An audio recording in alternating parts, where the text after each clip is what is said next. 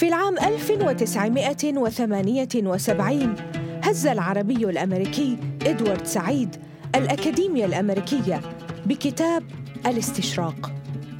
قال سعيد إن الغرب عندما يفكر في الشرق سواء في الإعلام أو الأدب أو الفن أو السياسة يصنع نسخته الخاصة غير الواقعية من الشرق يتخيل الغرب نقيضه ويسميه شرقا.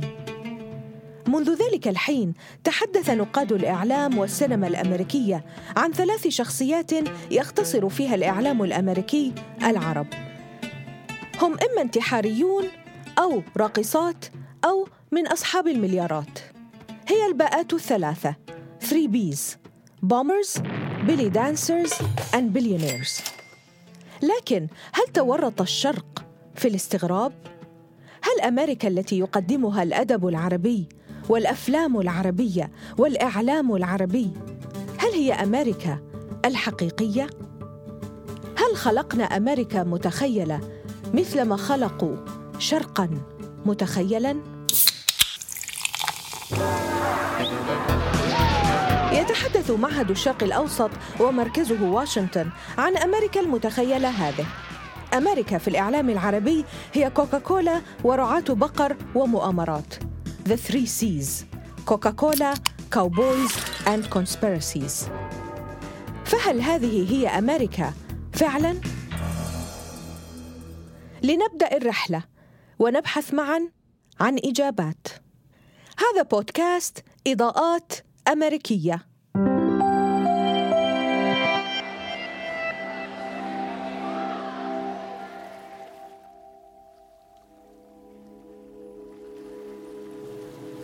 هذا البودكاست لا استشراق ولا استغراب بل قصص عن الإنسان وتجارب في الإنسانية فالحكاية إضاءة والمعنى ظلال.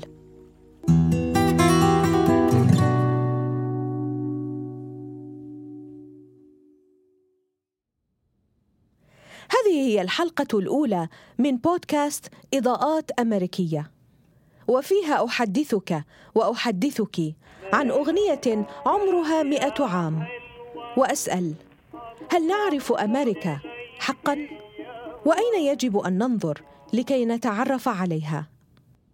أنا ندى الوادي.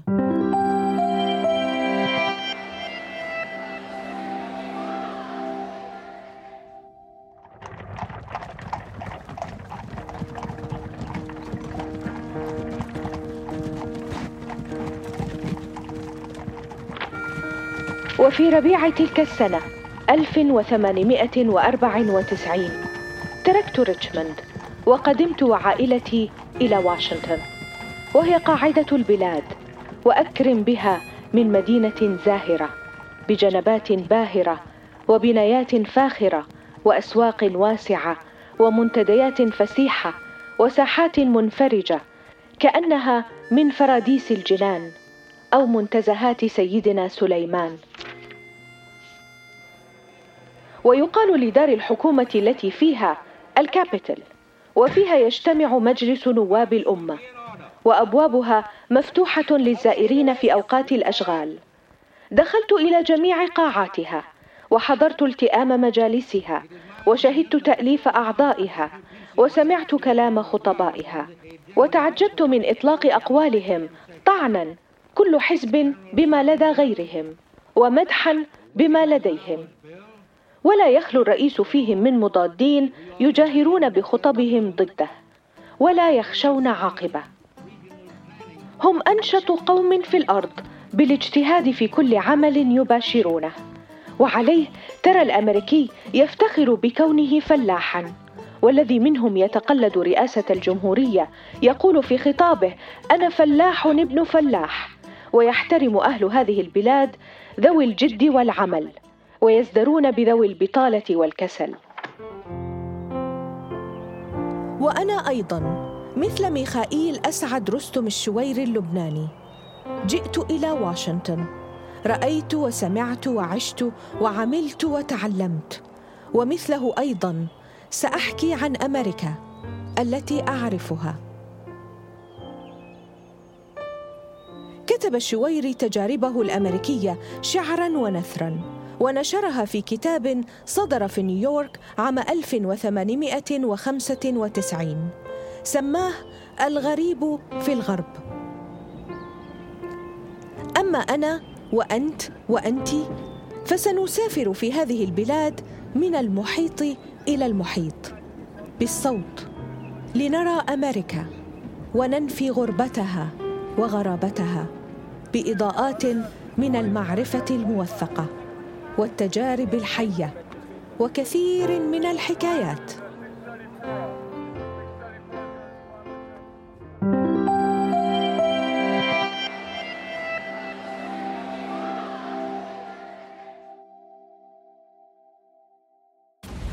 تنافس غير مسبوق You could never have done the job that I know did. how to do the job. وقضايا شائكة في العامين الأخيرين مرت التجربة الديمقراطية الأمريكية بامتحان عسير.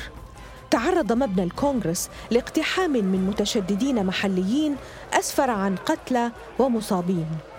جاء هذا الحدث بعد عام اعتبره علماء السياسة من الأشد استقطابا في تاريخ البلاد.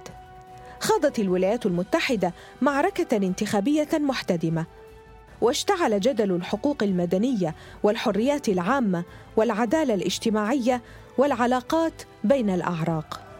خرجت مظاهرات وحصلت أعمال عنف انشغل بها العالم. وعلى شاشة عربية خرج معلق مشهور ليؤكد أمريكا هي أسوأ دولة في العالم فيما يخص حقوق الإنسان. شوف الاشتباكات أمريكا والكونجرس وتشوفوا بس الديمقراطية في الولايات المتحدة الأمريكية. صدعونا صدعوا دماغنا نشوف أدي أمريكا.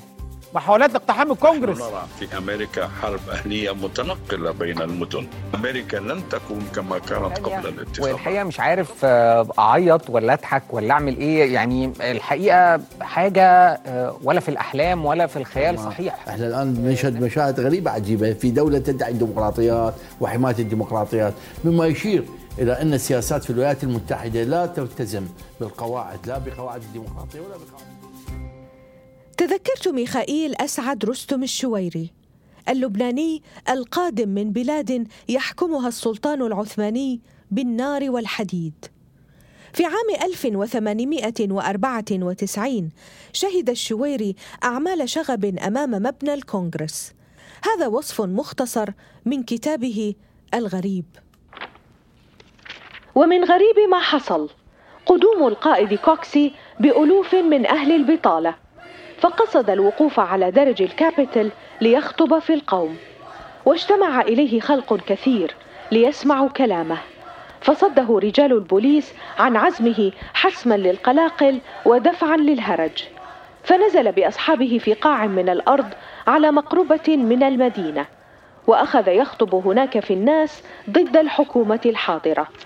فلم يأخذوه بذلك ولكن احتجوا عليه بما جرى من أتباعه في تخريب العشب الأخضر في منتزهات الكابيتل فقبضوا عليه وحكموه على هذه المسألة الطفيفة. فاعتبر.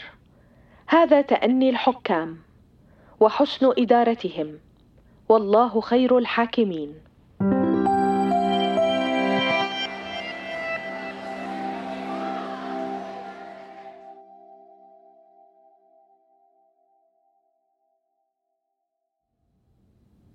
نحن محكومون بما نعرف. الجديد نراه بمنظور المألوف. نقارن ونصطنع التشبيهات. الدولة العميقة وبتزوير بتزوير الانتخابات هذا يدل على هشاشة هذا النظام. لكن أن تفهم أمريكا يعني أن تتحرر من الأحكام المسبقة. وهذا ما حصل معي منذ أن جئت لأدرس في هذه البلاد.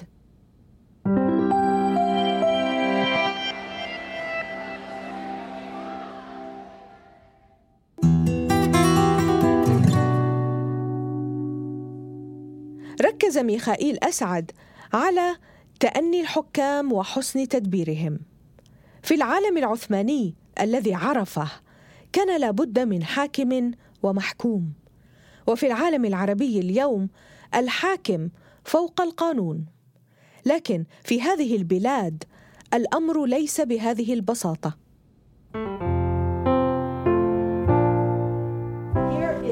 One of our great treasures. Yeah, we I- consider this a national treasure. Uh, Thomas Jefferson was the third president of the United States. Um, before he was that, he helped draft the Declaration of Independence, and he did so on this is we're looking at a portable writing desk. It's made of beautiful polished wood. Today you would think it's a a desk that you can, you know, sit on your lap. So this is where he wrote the Declaration of Independence. He drafted it. He yes. drafted it here. Yes, and he put a note uh, on this desk. Um, في هذا البودكاست سنحاول أن نفهم القصة الأمريكية بمنطقها الخاص دون التورط في التشبيهات أبرار انت لابسة حجاب آه، لو المستمع معاي طبعا بيشوفك تخيل إن انت في دولة عربية بس إحنا قاعدين في قلب آه، العاصمة الأمريكية أيوة. واشنطن وفي احدى أعرق الجامعات اكشلي في في المنطقة. و- ويعني والجو بارد و... تحسين إن انت غريبة هني ولا تجاوزتي هالموضوع؟ طبعا يعني ديما الناس مرات تلاحظي انه يشوفوا لك بطريقة تختلف أو يستغربوا في اللبس وكذا لكن الحمد لله يعني أنين ولدت هنا وكبرت هنا فما نحسش بالاختلاف تعودت الاختلاف صار طبيعي بالنسبة لي.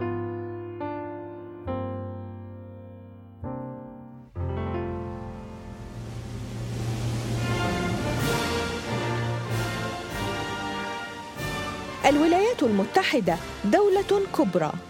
مساحتها تقل قليلا عن العشرة ملايين كيلومتر مربع. وسكانها 330 مليونا تقريبا. اقتصادها هو الأضخم وجيشها الأقوى. جامعاتها هي الأبرز وثقافتها هي الأعمق تاثيرا. المجتمع الأمريكي متنوع أشد التنوع. اعراقا واديانا ولغات ومصالح وافكارا ورؤى. والحرية حرية الفكر والمعتقد والتعبير والسوق أهم أركان هذا المجتمع. ضمان الحرية والتنوع والأمن والازدهار والموازنة بين كل ذلك مهمة صعبة ومشروع أمريكي في طور التشكل الدائم.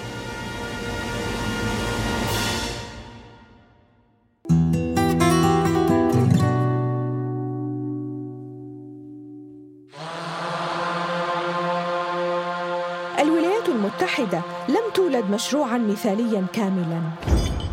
بل خاضت صراعات أهلية مريرة وفيها استقطاب سياسي وفكري واجتماعي حاد. في الموسم الأول من هذا البودكاست سنركز على قصة التنوع الأمريكي. سنذهب في رحلات صعبة. نزور القبائل الأمريكية الأصلية ونتعرف على تاريخها وثقافتها وحاضرها. What does your identity mean to you, living in America now in 2021? Well, it makes me sad for everybody else because they're still ignorant. Wow. So I'm constantly have to educate people every single day. See, I got my daughter over there and my grandchildren over there. Did you teach them your history? My daughter's over in red. Her name is Stormy, and she got two sons, and I got another grandson. And we teach the children the dance, the culture.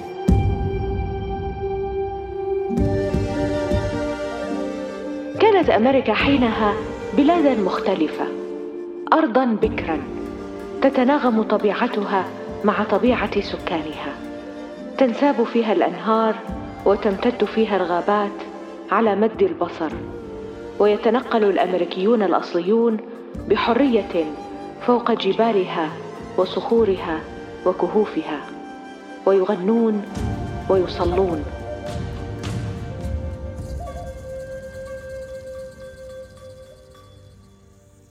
سنذهب أيضا إلى مزارع القطن في الجنوب الامريكي ومعاناه الرقيق ونضالات الحقوق المدنيه والعرقيه لنفهم التجربه الافريقيه الامريكيه My great great grandparents were on a cotton plantation in the early 1900s, working as sharecroppers with no share. There's certain stories we have to start telling. Black was about empowerment, you know, black culture. Say it loud, I'm black and I'm proud. It was it became in, in the music. It started showing up in the movies. And it became this thing of my blackness. how I express being in this body.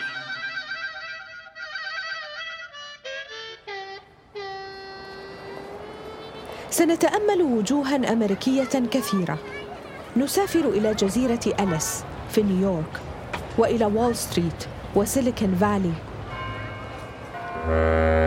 وصلت الباخرة نيفادا إلى أطراف نيويورك. كانت أجراس الكنائس تقرع احتفالا برأس السنة الجديدة. في محطة الهجرة في جزيرة أليس بدأت آني حياتها الجديدة وأصبحت أول مهاجرة شرعية مسجلة إلى الولايات المتحدة الأمريكية. سنزور هوليوود وهارفارد وجورج تاون ونقابل أطباء وعلماء وكتابا وفنانين. وكذلك سنصغي لأصوات أمريكية غير متوقعة. يا حلوة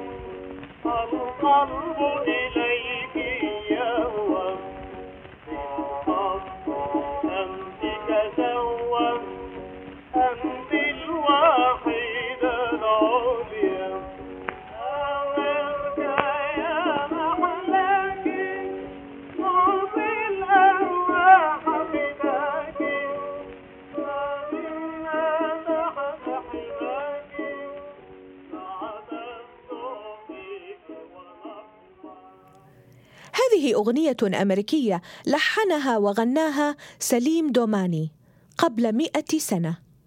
اللبناني الذي اكتشف موهبته في سجن عثماني. ثم صار في نيويورك أمريكيا اسمه سام سيمون.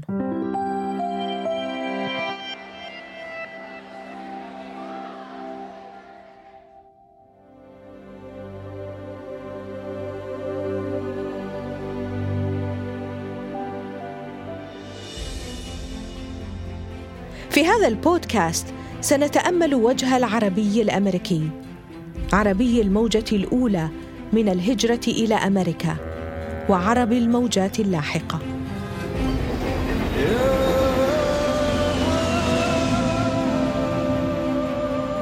اخترنا لهذا البودكاست اسم إضاءات ولشعاره شعلة تمثال الحرية. لطالما كان الضوء رمزا للمعرفة والشعلة رمزا للأمل وشعلة تمثال الحرية تحديدا لطالما عنت لي الالتزام بوجهة محددة نحو الحرية وجرأة البدايات. كل خميس تجمعنا إضاءة جديدة. أنا ندى الوادي.